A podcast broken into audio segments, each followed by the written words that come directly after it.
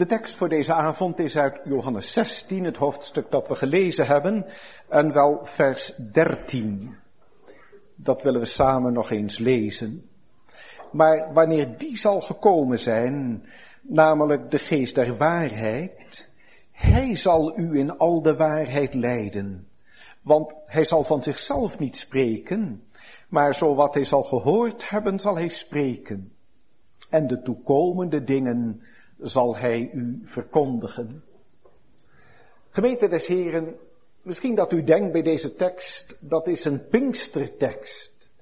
En hebt u het idee dat het een klein beetje een vergissing is om op een zomerzondag, overigens de laatste van de maand augustus, over zo'n Pinkstertekst te preken. Maar u voelt aan de andere kant wel dat het een vergissing zou zijn om te denken dat een tekst uit Johannes 16 over de Heilige Geest alleen maar voor Pinksteren gereserveerd zou kunnen worden. Integendeel, de Heer Jezus heeft deze woorden in het bijzonder gesproken met het oog op de tijd na zijn heengaan. En daar horen natuurlijk ook de dagen van het Pinksterfeest bij. Tien dagen na zijn hemelvaart. Maar ook de periode daarna. We zouden daar misschien wat vaker aan moeten denken. Het is eigenlijk net als wanneer we iemand feliciteren, bijvoorbeeld bij de aankondiging van een huwelijk. Als je dan een brief schrijft, dan schrijf je wel eens een hele goede dag toegewenst.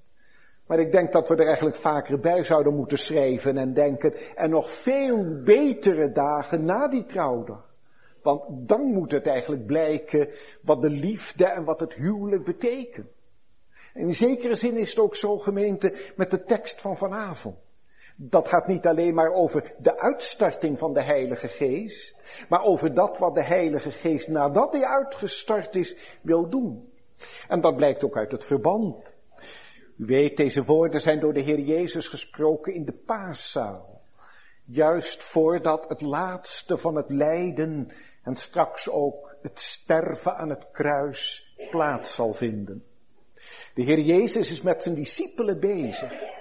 En hij denkt aan hen en hij bereidt hen voor. Niet alleen op het afscheid door zijn dood, dat zeker ook, maar ook op het afscheid straks, als hij na de opstanding ten hemel zal varen. U moet er eens op letten hoe de Heer Jezus bewogen is geweest in de geest met zijn discipelen. Uit het zesde vers blijkt dat ook, omdat ik deze dingen tot u gesproken heb, zo heeft de droefheid uw hart vervuld. Dus de Heer Jezus denkt zich de situatie van zijn kerk in, nadat hij ten hemel is gevaren. En dat is allereerst de situatie van de discipelen toen, maar dat is ook de situatie van de kerk van alle eeuwen. Dus ook onze situatie. En met het oog daarop, op al die eeuwen, en dus ook op de zondag die wij vandaag beleven, spreekt de Heer Jezus over het werk van de geest. Die geest komt in zijn plaats. Het wil niet zeggen dat de Heer Jezus niets meer zal doen. Integendeel, vanuit de hemel zal hij werkzaam zijn door de geest. Maar op aarde, en daar moet u goed op letten, komt de geest in de plaats van de Heer Jezus Christus. U weet, wij zijn gewoon in de kerk tijdens de prediking te zeggen dat de geest plaats maakt voor de Heer Jezus. En dat is ten volle waar. Kom daar straks nog wel op terug. De geest maakt plaats voor de Heer Jezus. Maar je kunt ook zeggen, als je de geschiedenis uit Johannes 16 goed leest, dat de Heer Jezus plaats maakt voor de geest. Want als de Heer Jezus, zo zegt hij zelf, niet weggaat, dan kan de trooster niet komen. U moet dat goed zien, dat verband tussen de Heer Jezus en de Heilige Geest. Tussen het heengaan van de Heer Jezus en het komen van de Geest. Nou, daar wil ik vanavond graag vanuit de tekst over spreken. Het werk van de Geest in Jezus plaats op aarde. Dat is de samenvatting van de boodschap van de tekst. De geest als gids, de waarheid als de weg en de volheid als de vrucht. Dus het werk van Jezus, van de geest in Jezus plaats op aarde. De geest als gids, de waarheid als de weg en de volheid als de vrucht. Maar wanneer die zal gekomen zijn. Die. Daar staat in de grondtekst een heel bijzonder woord eigenlijk. Dat je 70 keer in het Nieuwe Testament aantreft. En dan heel in bijzonder met het oog op Jezus op aarde en met het oog op de komst van de geest. In de plaats van de Heer Jezus. Die. Het is of de Heer Jezus de vinger uitsteekt en alle aandacht vraagt voor die, die geest waarover hij gesproken heeft. Waarvan hij in de voorgaande versen, en trouwens ook al in hoofdstuk 15, zo het een en ander gezegd heeft. Wanneer die komt, onwillekeurig moet ik denken aan de preek van vanmorgen. U herinnert het zich voor zover u weer kon zijn.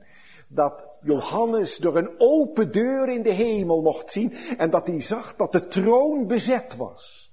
Hij zag iemand één daarop gezeten.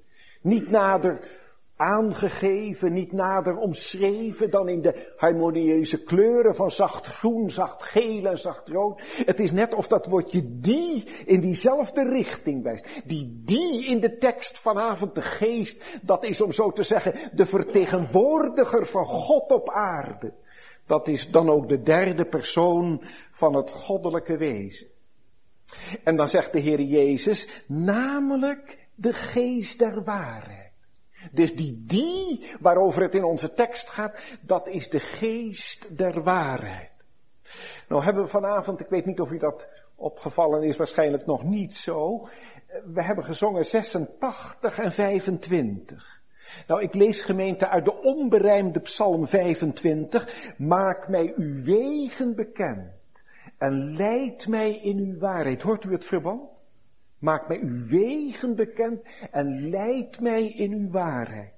En in Psalm 86 staat in de onberijmde psalm, leer mij uw weg en ik zal in uw waarheid wandelen. Dat is een opmerkelijke overeenkomst met wat de Heer Jezus hier zegt. Waar David om gebeden heeft in Psalm 25, dat hij door de Heere geleid zou worden en in de waarheid mocht wandelen. En zo heeft de dichter van Psalm 86 dat ook onder woorden gebracht. Dat neemt, als ik het zo mag zeggen, de Heere Jezus op vanavond. In de woorden van onze tekst. Waar David om gebeden heeft, dat wordt hier toegezegd als een belofte. Dat zal de geest doen. De geest van de Heer Jezus Christus. Want Hij is de geest van de waarheid. Nog niet zo makkelijk gemeente om te omschrijven wat dat nou betekent. De geest van de waarheid. Toen ik in de afgelopen dagen met deze tekst bezig was en de preek voor vanavond maakte, heb ik daar veel over zitten denken. Hoe moet je dat aan de gemeente uitleggen? Hoe moet je dat overbrengen naar u die hier bent? Geest der waarheid. Laat ik er eens een paar dingen van mogen zeggen. Het eerste is dat die geest helemaal door de waarheid wordt bepaald. Van de waarheid is doortrokken. Op de waarheid is gericht. Daarom heet hij geest der waarheid. Maar dat hij in al zijn werk ook de waarheid brengt. Dat hij de waarheid realiseert. Dat hij de waarheid aan mensen wil overbrengen en toepassen. Dat dus de geest altijd met de waarheid gepaard gaat. Wat is dat geweldig gemeente? Dat de Heer Jezus over de geest der waarheid spreekt die komen zal. Ja, wij vinden dat eigenlijk vanzelfsprekend, want wij kennen dat Johannes 16 wel. Op Pinksteren wordt het vaak gelezen. En, en we staan er nauwelijks meer bij stil. Maar denkt u eens aan wat voor geest er op aarde rondwaart. Dat is de geest van de leugen. Dat is de geest van het bedrog. En dat is de geest van de duisternis en van de dood. We zien dat om ons heen. In het wereldgebeuren, in het groot. En in de plaatselijke samenleving. In ons eigen leven en in wat we meemaken, soms op ons werk ook. Dan voel je dat de geest der duisternis dat de geest van de zonde, dat de geest van leugen en bedrog op aarde rondwaart en huishoudt.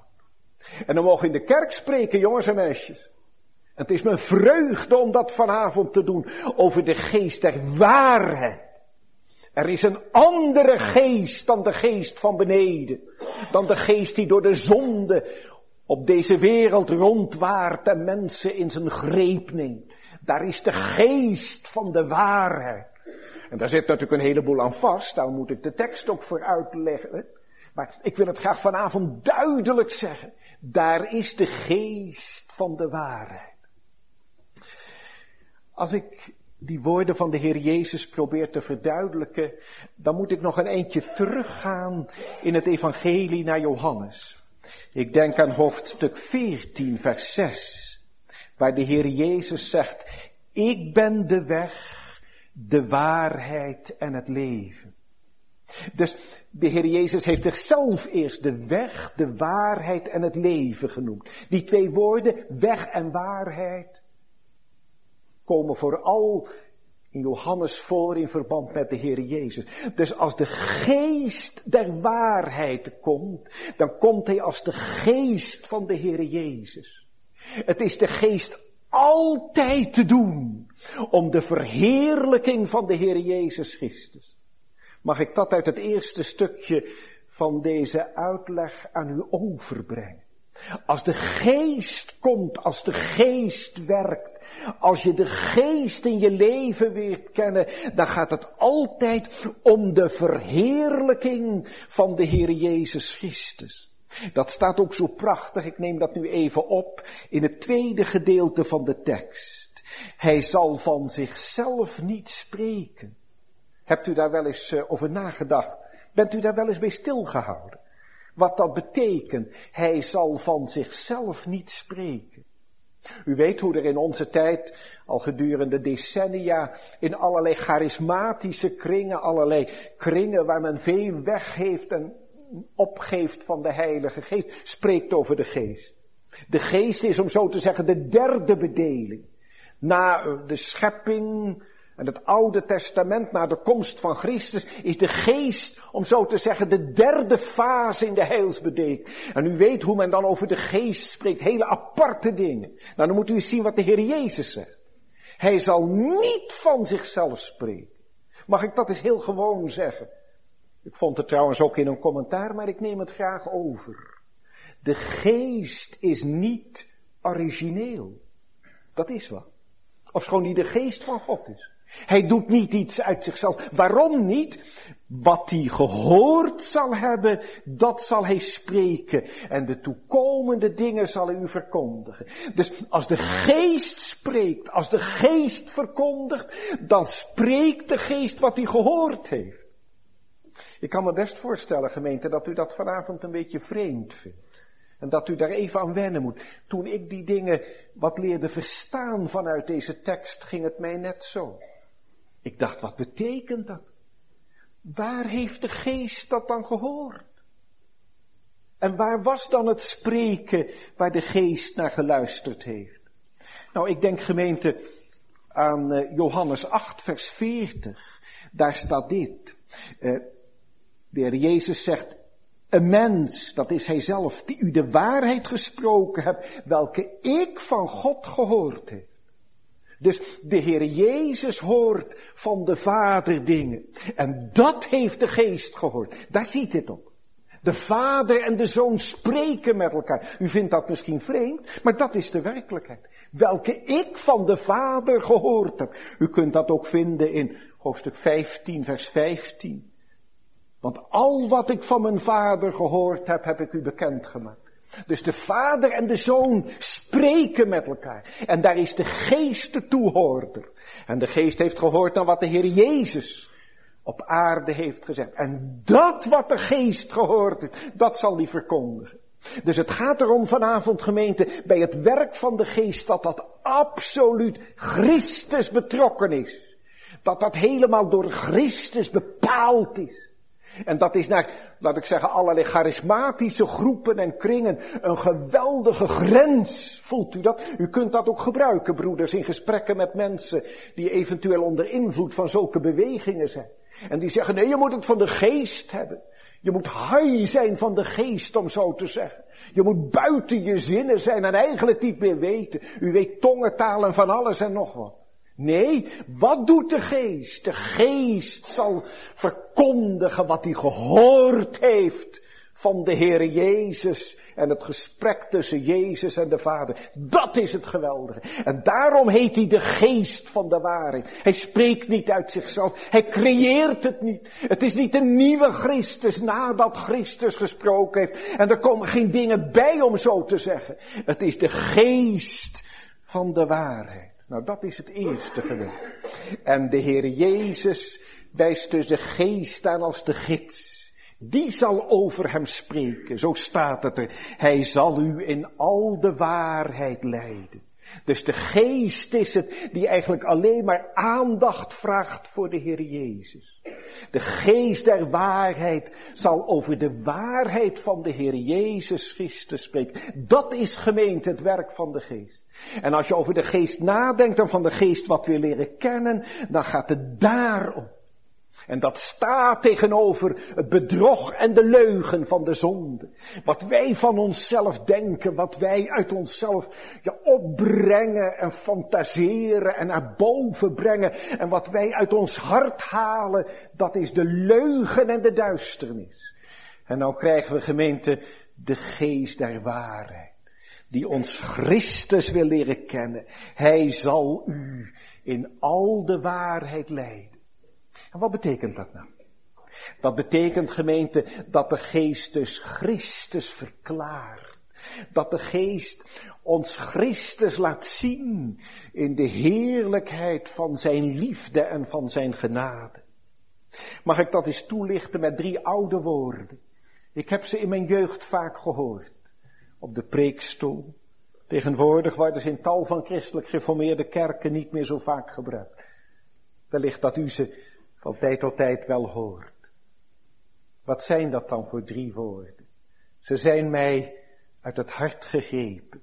Dat de geest duidelijk maakt de noodzakelijkheid, de dierbaarheid en de gepastheid van de Heer Jezus. Ik zal proberen het wat uit te leggen, ook naar de jonge mensen toe. Als de geest ons in de waarheid leidt, dan leert de Heilige Geest ons zien de noodzakelijkheid van de Heer Jezus Christus. U weet dat in dat woord noodzakelijk nood zit. En zo is het ook. Als de noodzakelijkheid van de Heer Jezus door de geest je duidelijk gemaakt wordt, dan word je bij je nood bepaald. En wat is die nood dan? Dat is onze vervreemding van God en onze schuld tegenover God. Zo heeft de Heer Jezus het ook gezegd. Dat hij zal overtuigen van zonde, van gerechtigheid en van oordeel. Dat doet de geest. Als de geest in je leven komt, dan leer je de noodzakelijkheid van de Heer Jezus zien. Dus in nood verkeert, waar je zelf geen oplossing voor hebt, waar je zelf niks aan kunt doen. Nou kan ik daar vanmiddag, vanavond natuurlijk van alles en nog wat van zeggen, maar laat ik het gewoon maar naar u overbrengen. Kent u dat? Jullie jonge mensen. Als ik nou zo spreek over de noodzakelijkheid van de Heer Jezus, waar de geest je aan ontdekt, je hart bij bepaalt, je hart voor willen openen, ken je dat dan? Of zeg je dan nog een paar oude termen waar ik niet zoveel mee kan en waar ik niet zoveel aan heb? Ik heb wel eens over deze dingen gesproken in de kring van jonge mensen die dat reageren, mij tegenwierpen. En die zeiden, ach dominee, moet je daar nou over spreken? Ja, daar moet je over spreken. Omdat dat het lijden van de geest in de waarheid is. Dat die plaats maakt voor de Heer Jezus in de harten van mensen. En dat gebeurt in die weg van ontdekking. Dat je de grond van je behoud, zoals je die in jezelf zoekt, ontnomen wordt. Dat het onmogelijk wordt om op die grond voor God te staan en te bestaan. Laten we maar eens heel gewoon zeggen. Dat je voelt, beseft er iets van beleeft dat je in jezelf voor God een verloren mens bent. Hij zal u in de waarheid leiden. Daar hoort bij dat de noodzakelijkheid van de Heer Jezus Christus aan je duidelijk gemaakt wordt. Dus als u de tekst van vanavond in de praktijk van uw leven wilt, wilt kennen en beleven, daar hebben we samen om gebeden, dan gaat het om deze noodzakelijkheid. Eh, eigenlijk zou ik u allemaal aan het eind van de dienst wel de hand willen geven en u heel persoonlijk willen vragen. Ik doe het nu in de preek. Heel persoonlijk is de Heer Jezus u noodzakelijk geworden. Dat is wat de geest doet. Niet het enige, maar dat hoort er wel bij. En dan dierbaarheid. U weet, wij kennen dat woord in de zin van gevoeligheid. Dat is mij dierbaar. Maar het heeft in het oude Nederlands een andere betekenis. Dierbaarheid betekent kostbaarheid. En voelt u wat er dan mee bedoeld is? Kostbaarheid. Wij zeggen tegenwoordig wel eens, laat ik die term op de preekstoel ook maar gebruiken voor de jonge mensen. Dan voelen ze dat ook dominees de woorden van onze tijd kennen. Wij zeggen wel eens, als het over iets gaat, er hangt een kostenplaatje aan. Weet u wel? Een kostenplaatje. Wat is het kostenplaatje van onze verlossing, jongens en meisjes? Dat is de kostbaarheid van het offer van de Heer Jezus Christus. En dat leert de geest je verstaan kostbaar zijn offer is. Dat hij als de Zoon van God de heerlijkheid in de hemel verlaten heeft, Filippenzen 2. Dat hij zich helemaal tot niets heeft laten worden, zich ontledigd heeft en de gestalte van een dienstknecht heeft aangenomen. En dan staat het daar net of, of die steeds dieper gedrukt wordt, van een dienstknecht tot de dood, ja zelfs de dood des kruises. En dan hoor je, om zo te zeggen, de doodschreeuw van onze Heer Jezus. En zonder de dood des kruises is er geen verlossing. Dat is het kostenplaatje. De dierbaarheid, de kostbaarheid van het offer van de Heer Jezus. Staat u daar wel eens bij stil? Bent u daar wel eens sprakeloos van? Mag ik het nou zo eens naar u overbrengen? Dit zijn natuurlijk de gewone dingen uit de preek van elke week. Maar leeft u er zo ook bij? En leven ze zo ook bij u? Nou, dat is dat de geest je in de waarheid leidt. Dat is dat de Heer Jezus Christus in je leven een plaats krijgt. En dat het offer van de Heer Jezus uit liefde gebracht, met opoffering tot in de dood des kruises, voor u bestemd is. En dan dat derde woord dat gepast, dat is ook zo prachtig woord. In die oude drieslag. Wat betekent dat? Dat hij gepast wordt voor u. Ik, ik zou dat van twee kanten willen uitleggen. Dat we zeggen dat u past bij hem en dat hij past bij u. Begrijpt u wat ik bedoel? Hij heeft alles wat u nodig hebt tot verlossing. Hij zegt het in de liefde van zijn middelaarswerk. Ik heb het volbracht. Wij kunnen niets toevoegen. Wij hebben niets om God te behagen en God te voldoen. Om aan de eis van Gods wet te voldoen. Maar hij heeft alles. Het kostbare bloed. En zo past hij bij u. En dat is zijn genade. Dat hij zo bij u wil passen. U en ik in onszelf verloren en zonde, dat hij bij u wil passen en zegt, ik heb wat je nodig hebt. Geweldig gemeente, dat is het wonder van de genade. En dat doet de geest. Die opent daar voor je oog. Wat geweldig dat je het woord mag uitleggen vanavond, dat ik het zo naar u over mag brengen, opdat u die gepastheid van de Heer Jezus in uw leven leert kennen en zo mocht nodig hebben. En weet u wat er dan ook gebeurt? Dan gebeurt ook dat andere. Dat je zegt, en door genade pas ik nou ook bij hem. Die twee moeten elkaar vinden. En die moeten bij elkaar komen. Nou, dat doet de Heilige Geest. Je, je zou soms zeggen, worden er nog mensen bekeerd? Er is geen beginnen aan om mensen te bekeren. En wat moeten we met ons ambtelijk werk? Als ouderlingen, als predikanten en waar ook, maar wat moeten we in de zending? Dit is de belofte wanneer die zal komen. Die uitgestoken vinger. Wanneer de geest van de waarheid, die van Jezus Christus is doortrokken en op Jezus Christus is gericht, die zal u in de waarheid leiden. Die zal Christus verheerlijken. Dus als er mensen tot bekering komen, is dat niet het werk van een dominee. Is dat niet het werk van een zendeling.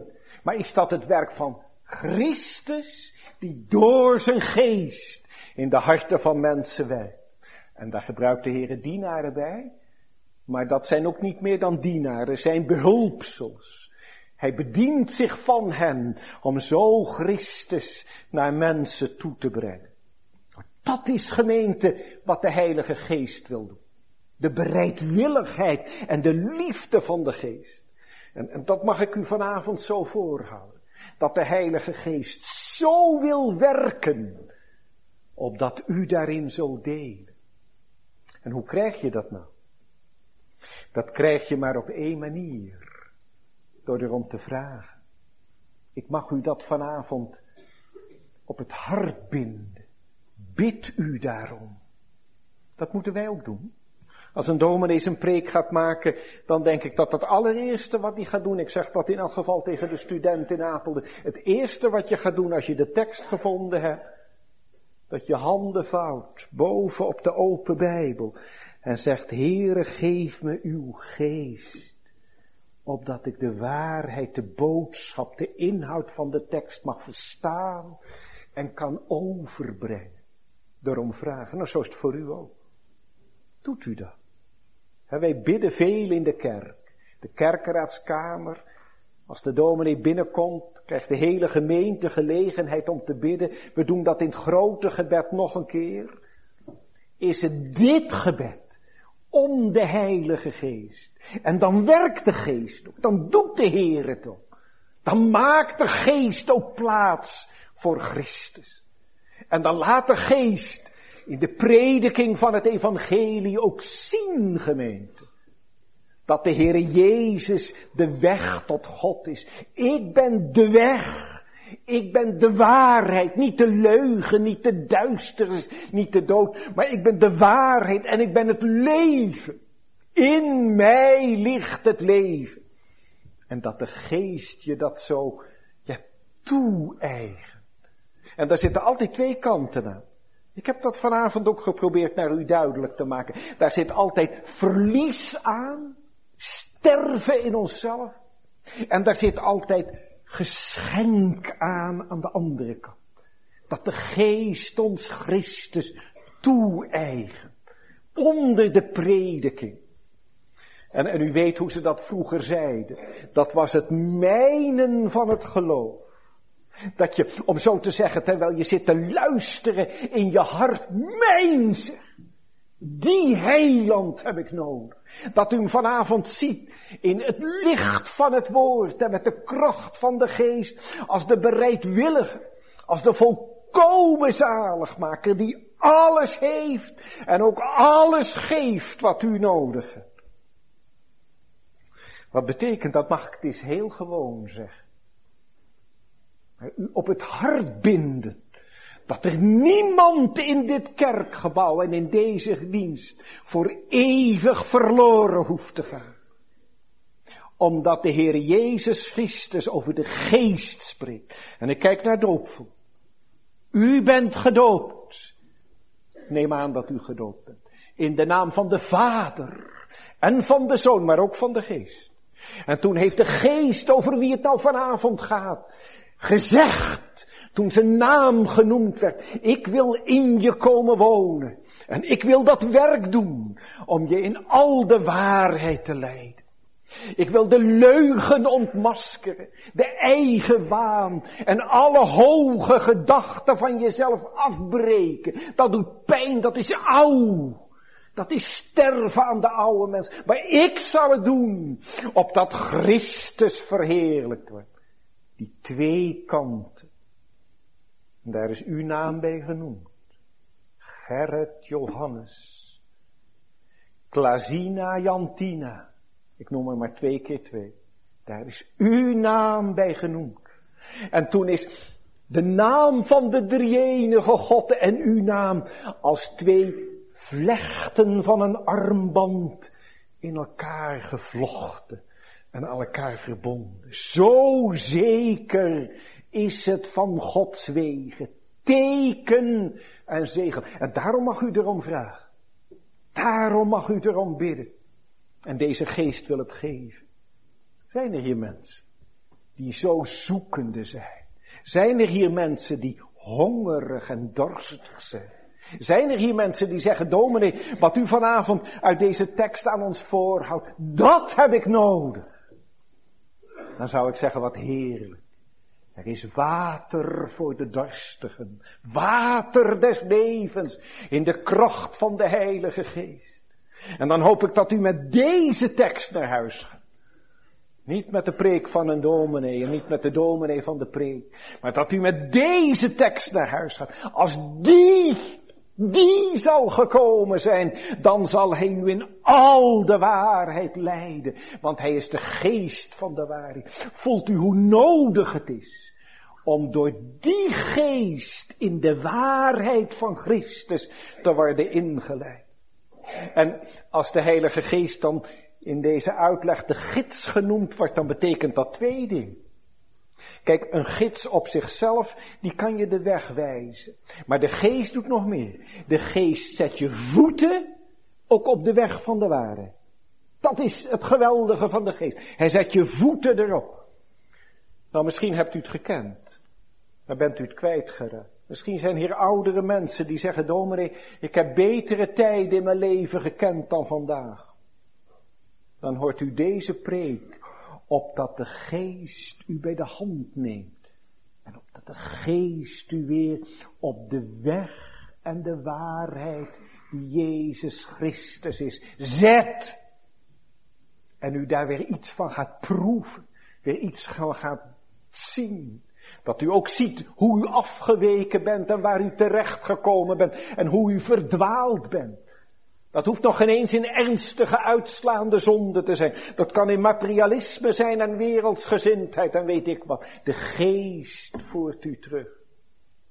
En misschien zijn hier jonge mensen die zeggen, dominee, ik, ik wou dat ik het had, maar ik ken het niet. Ik voel wel, daar moet het in mijn leven naartoe, maar ik mis het. Wel, ik mag vanavond zeggen, in de doop heeft de Heilige Geest samen met de Zoon en de Vader je beloofd dat Hij ook jouw leven daarop wou zetten. Op die weg en de waarheid die Jezus Christus is. En dat hij zo een gids wil zijn die je meeneemt en bij de hand neemt. En die je laat leven uit het werk van de Heer Jezus Christus. En hij zal niet uit zichzelf spreken. Het gaat de geest nooit om zichzelf. Hij vraagt nooit aandacht voor zichzelf. Dat moeten wij ook in onze kerk goed vasthouden. Het werk van de geest is altijd werk verwijzend, uitnodigend, heenbrengend naar de Heer Jezus Christus. Maar wat hij gehoord zal hebben, dat zal hij spreken. En dan heb ik nog één woordje uit het begin van de tekst laten liggen. De scherpe opmerker zal dat begrepen hebben. Hij zal u in al de waarheid leiden. Je zou kunnen zeggen wat ik tot heden gezegd heb, dat is het eerste en het tweede. Maar het gaat om al de waarheid. Dus alles wat Christus heeft, alles wat Christus geeft, dat zal Hij als het ware voor u duidelijk maken en toedelen. Dat gaat gemeente om, mag ik dat nou eens zeggen, om de geestelijke groei, om de geestelijke verdieping.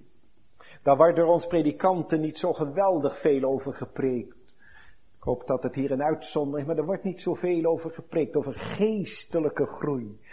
Al de waarheid betekent dat je steeds meer van de Heer Jezus leert zien. Mag ik het eens heel gewoon zeggen? Dat je stapje bij stapje geestelijk verder komt.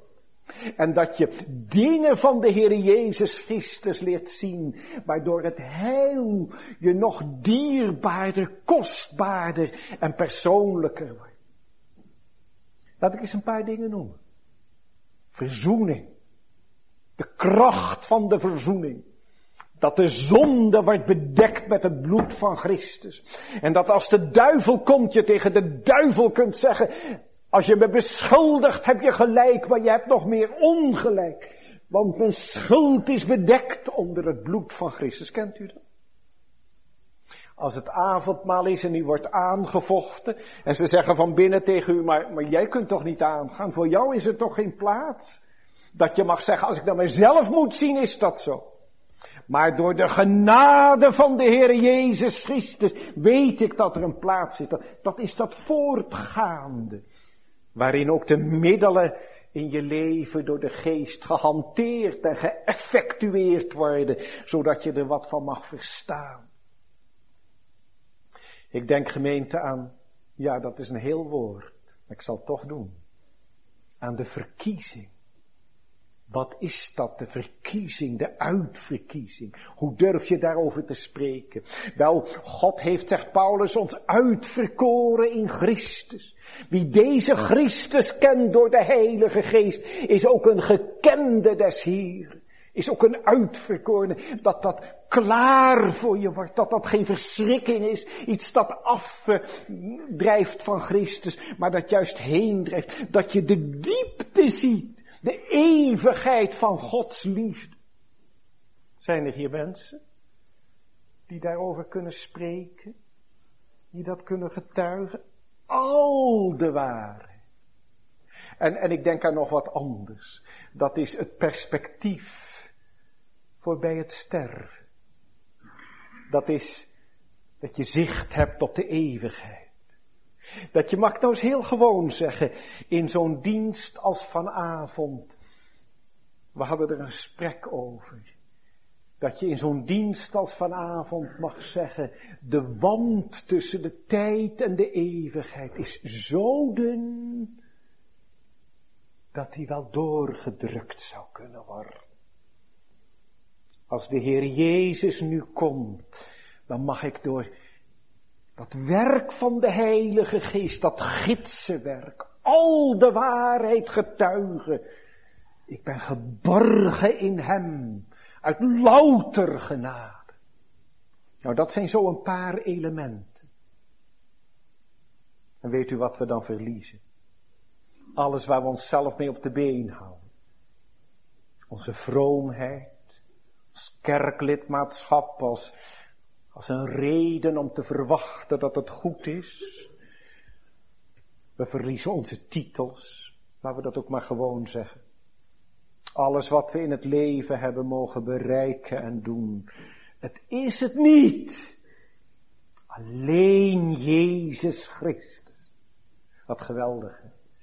Ik, ik, kan dat alleen maar zo uitdrukken vanavond. Het ene naar beneden en het andere naar boven. Voelt u dat? Kent u dat in uw leven? Dat het ene naar beneden gaat en je ontvalt, ontnomen wordt, terwijl het andere omhoog gaat, omdat het gaat om de Heer Jezus Christus. En nou nog één ding, dat is het laatste van de tekst. Wat betekent dat de toekomende dingen zal hij u verkondigen. Eh, er staat eigenlijk dat wat komt. En wat zal dat zijn? Nou, dat zal zijn de opstanding. Dat zal zijn de hemelvaart. Dat zal zijn de uitstarting van de Heilige Geest. De dingen die komen als ik gestorven ben. Opstanding, hemelvaart, Heilige Geest en de leiding van van de geest in het leven van mensen. Dat zijn die toekomende dingen. Dat gaat niet om bepaalde profetieën zoals daar tegenwoordig over gesproken wordt. Dat dominees profetieën zouden krijgen over welke dit wel kerkelijk gebeuren. Dat kun je niet met een beroep op deze tekst eh, naar de gemeente overbrengen. Maar de dingen die komen vanuit Christus als het middelpunt. En dan mag ik dat ook zo toepassen vanavond gemeente. Dan mag ik dat ook zo toepassen dat het betekent dat de Heere u in concrete vragen en beslissingen wil helpen. Zoals we dat gedaan hebben. Wie heeft lust de Heer te vrezen? De Heere zal u in de waarheid doen wandelen. En de Heere zal u de weg duidelijk maken. Dat hoort erbij, bij die komende dingen. En dat is altijd van Christus uit. Mag ik het vanavond, ik moet het wat afsluiten, maar mag ik het vanavond zo zeggen? Een weg waarop Christus niet centraal staat, dat is geen goede weg. Het is altijd de weg van de Heer Jezus Christus, van het kruis dragen achter Hem aan. Zo heeft Petrus het ook op een geweldige manier geleerd. Petrus heeft deze tekst in zijn leven heel persoonlijk, bevindelijk ondervonden. Ik denk aan 1 Petrus 2. Hiertoe zijt gij geroepen, terwijl ook Christus voor ons geleden heeft, ons een voorbeeld nalatende, opdat ge zijn voetstappen zoudt navolgen. En dan krijg je het. Die geen zonde gedaan heeft, er is geen bedrog in zijn mond geweest. Als die gescholden werd, niet wederschold. Als die leed niet dreigde, maar gaf het over aan die die rechtvaardig worden. Dat zijn de komende dingen. Die dingen staan ons te wachten dat we door vervolging, door verdrukking, door miskenning, door laster geteisterd worden. Maar dat we leren achter de Heer Jezus aan te komen. Misschien zijn er hier mensen uit de zorgsector, een verpleegkundige in een ziekenhuis. Ik heb ze gesproken. Meisjes, trouw in de dienst des Heren, die opzij geschoven worden. Omdat ze met het moderne leven en de moderne ethiek niet mee kunnen. Hier heb je het. Hij zal u de komende dingen verkondigen. Hij zal u laten zien wat het is om achter Jezus aan te komen. En jullie jongens en meisjes op school. Of waar je ook maar komt. En waar je tegenstand ontmoet. Misschien minachting en haat en smaad. Achter Jezus aankomen. De kerk in een geseculariseerde wereld. Steeds meer verliezend aan terrein. Hoe moet het? Hij zal u de komende dingen, dat wat komt, duidelijk maken. Je kunt met Christus overleven. En alleen met de Heer Jezus Christus. En zo wil de geest het je leren. Dat je moed houdt. Ook als dominee. In een situatie van ons land waarvan je zegt, het is eigenlijk geen beginnen aan. Moed houden, overeind blijven, doorgaan, voelt u het? Hij zal wat komt duidelijk maken en voor u ontvouwen. Nou, dat is het evangelie van de geest der waarheid. En dan wou ik u nog één ding zeggen. In het gezin waar ik vanmiddag mocht verblijven, was na de maaltijd de bijbellezing gewoon aan de beurt uit Zacharia 8. En ik zal u daar het derde en volgende vers van voorlezen. Dat trof me zo als aansluitend bij de tekst. Alzo zegt de Heere, ik ben wedergekeerd tot Sion en zal in het midden van Jeruzalem wonen. En Jeruzalem zal geheten worden een stad der waarheid. Moet u eens horen. Een stad der waarheid. En waarom is Jeruzalem een stad der waarheid? Omdat God tot Jeruzalem teruggekeerd is en daar zijn zoon gegeven heeft. Omdat buiten de muren van Jeruzalem het kruis gestaan heeft.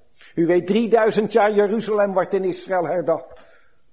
Maar je kunt het alleen herdenken als je ziet Jeruzalem als een stad der waarheid, als de stad van Christus. En de berg van de Heere der Gescharen, een berg van heiligheid. U denkt aan vanmorgen.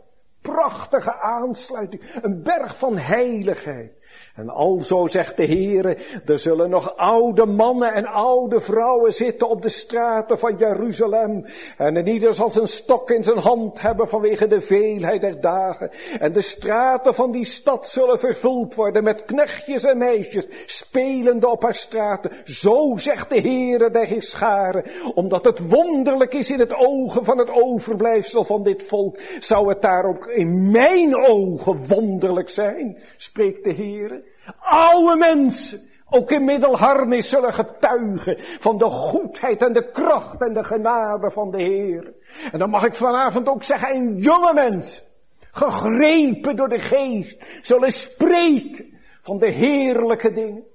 En als u dan zegt, is dat niet te groot, is dat niet te wonderlijk, dan zegt de Heer, als het bij u te wonderlijk is, zou het voor mij te wonderlijk zijn. Nee toch, bid voor uw kinderen en vraag dat ze zo door de geest geleerd en geleid mogen worden. Dat is het evangelie van de geest der waarheid. Dat is de kracht van de kerk, niet in zichzelf, niet in haar geld, niet in haar gebouwen, niet in het aantal leden, maar in de genade van de geest. Gaat u naar huis met het gebed om die geest. En als u nou nog aan het eind van de dienst zegt, dominee, ik sta er zo ver vanaf, dan vraag ik u, wat weerhoudt u? Wat is in uw leven de blokkade en de belemmering? Is het een vrouw? Is het de bankrekening? Is het je carrière? Is het de wereld? Wat ook. Hij breekt er doorheen. De geest is maar op één ding uit. Om Christus te verheerlijken. O heilige geest. Wat moeten we u aanbidden. Dat is niet de geest van de Jehovah getuigen. Want die geloven niet in een persoonlijke heilige geest, alleen in een kracht. Maar dat is de geest die zondaren lief heeft. Oh, ik hoop dat het in uw hart vanavond warm geworden is. En dat u zo de geest mag kennen. In de kracht van de Heer Jezus.